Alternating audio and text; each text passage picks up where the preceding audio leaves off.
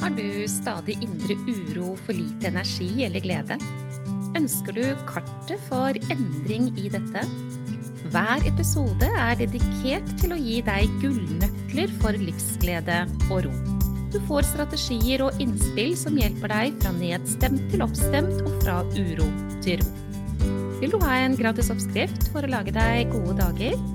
Gå til www.gayabalanse.no for din herlige morgenrutine.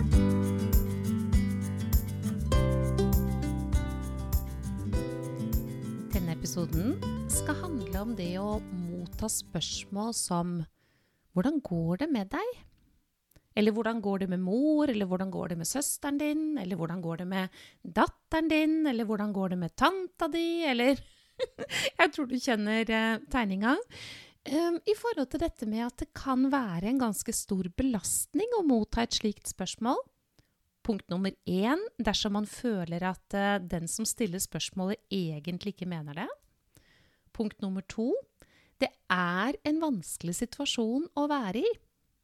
Punkt nummer tre man har egentlig ikke lyst til å være involvert i det som er vanskelig.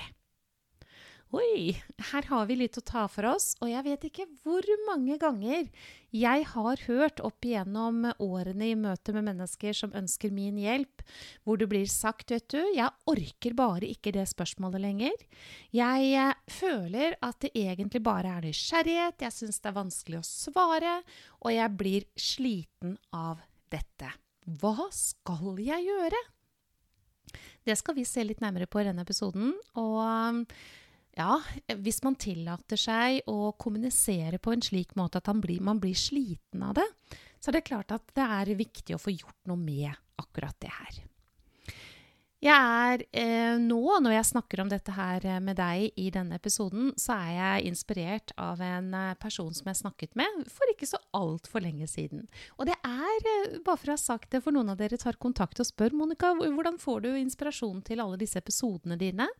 Så er det sånn det skjer, da. Jeg har eh, menneskemøter hele tiden, og i løpet av ti år så er det over 11 000 samtaletimer. Jeg har mye å ta av. Men det jeg har gjort i ny tid, er at jeg har begynt å lage meg noen små notat over det som kommer. Og så blir det selvfølgelig helt anonymisert, ikke sant? Men da er jeg liksom på sporet da, for hva jeg har lyst til å dele med deg. Men temaet eh, som er i denne episoden her, er jo noe som har dukket opp jevnt og trutt gjennom disse ti årene. Det er ikke kun det ene mennesket som jeg spesifikt tenker på akkurat nå, som har denne utfordringen. Det hun helt konkret sa til meg, det er alle spør om hvordan det går med mor. Jeg føler ikke at de egentlig bryr seg. Jeg lurer på om de kanskje bare er høflige og tror at de må spørre, eller at det rett og slett er nysgjerrighet. Men jeg synes at det er slitsomt, og hva skal jeg gjøre? Det var noe av det som dukket opp. Og ja, hva skal man gjøre da? Det som ofte har også dukket opp i andre samtaler, har vært på egne vegne at man befinner seg i en livssituasjon som er utfordrende og krevende. Kanskje man er ute av jobb, man har vært eh, sykmeldt eller blitt sykmeldt og vært det lenge. Og når noen mennesker da spør hvordan det går, så har man kanskje ikke lyst til å fortelle igjen og igjen og igjen at det går faktisk ikke så bra, og at man er trist og lei seg, og det er mye trøbbel og mye ugreit. Man har ikke lyst til å fortelle det, i hvert fall ikke til alt og alle. Og jeg har jo lyst til å si at det også er svært fornuftig. Fordi du må ikke glemme det at det du serverer hjernen din, det tror hjernen din på. Og disse repetisjonene som vi fint kan drive med i oss selv, de bare forsterker utfordringen.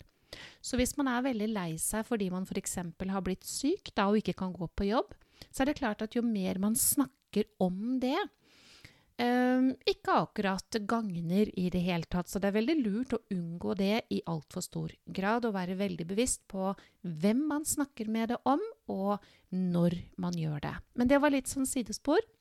Jeg skal trekke meg litt tilbake. Når noen spør denne kvinnen om hennes mamma, så er det jo strengt tatt ikke hun selv som er involvert. Hva tenker du om muligheten for å si takk for at du spør, du må gjerne kontakte min mor? Takk for at du spør, Min eh, mor vil sette pris på en henvendelse fra deg. Takk for at du spør. Eh, moren min eh, vil eh, synes det var veldig trivelig å få en hilsen fra deg, det er jeg sikker på. Altså noe i den duren der. Hva tenker du da? Det jeg tenker med en sånn løsning, det er at da har man takket for oppmerksomheten, og man har ikke vurdert denne oppmerksomheten som om noen bryr seg, eller om de er nysgjerrige. Det er liksom helt nøytralt. Man tar imot oppmerksomheten, takker for den, og så bare serverer man det på det fatet hvor det faktisk hører hjemme. Er det mulig å bare gjøre det så enkelt? Jeg snakker om det her med deg nå, så kjenner jeg i meg at det mener jeg faktisk. Jeg mener at det går an å gjøre det så enkelt. Ok, hvis det skulle være ens egen vegne det er snakk om, da, hvordan går det med deg? Om man ikke har så veldig lyst til å dele det, har bestemt seg for at det gjør man ikke til vedkommende. Man er opptatt av å ta vare på sin egen psykiske helse, og er restriktiv med hvor mange ganger man repeterer de utfordringene man har. Eller det kanskje kunne være at man syns at det er ugreit å dele av andre årsaker. Ok, hva sier man da? Skal vi følge den eh, første muligheten her i forhold til 'takk for at du spør'? Hva sier man videre? Hva er mulig, tenker du? Takk for at du spør, jeg tar en dag av gangen, hvordan går det med deg? Ja. Takk for at du spør. Jeg eh, puster og er. Hvordan er det med deg? Er det mulig å vri det til å bli dette også veldig veldig enkelt når man har bestemt seg for at man ikke skal si noen ting? Fordi du må huske på det at du er ikke forpliktet til å utbrodere situasjoner. Verken på mors vegne, datters vegne, sønns vegne, hvem det måtte være sine vegne, ei heller deg selv, med mindre du faktisk syns det er ok. Så punkt nummer én har du kommet dit, eller er der hvor du tenker at nei, jeg skal ikke drive og snakke om dette til kreti og pleti, eller jeg av annen årsak ikke syns det er ok, ok, så blir det grensesetting. Punkt nummer to hvordan setter man grensen? Det kan man gjøre veldig, veldig enkelt. Tusen takk for at du spør. Det setter jeg pris på. Jeg tar en dag av gangen.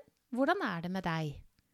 Det man gjør da, er jo at man tar imot spørsmålet, svarer på det, men ikke svarer egentlig, annet enn takk, det tar en dag av gangen, og så vrir man oppmerksomheten til den andre.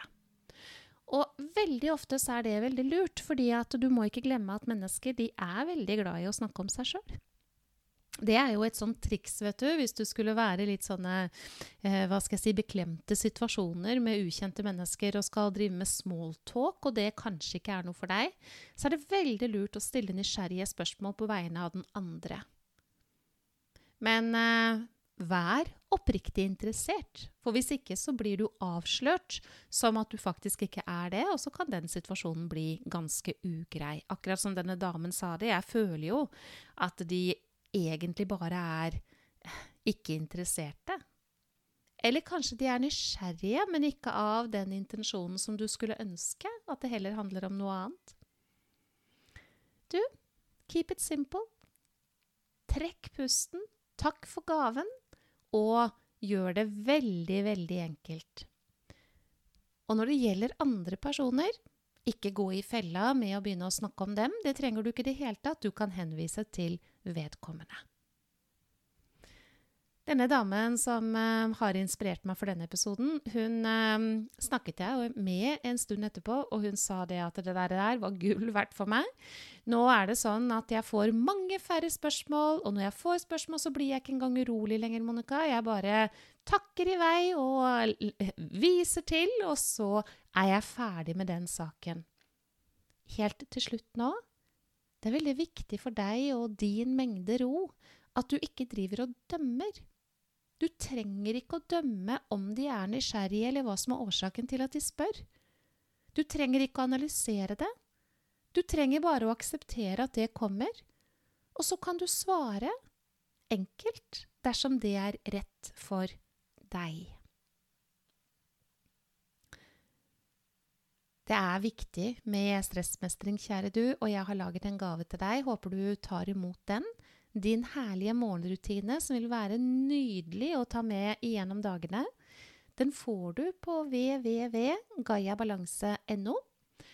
Og noe av det det handler om, er jo å ta vare på seg selv.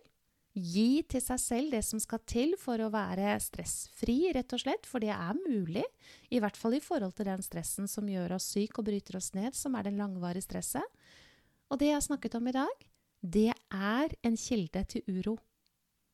Og det nytter ikke.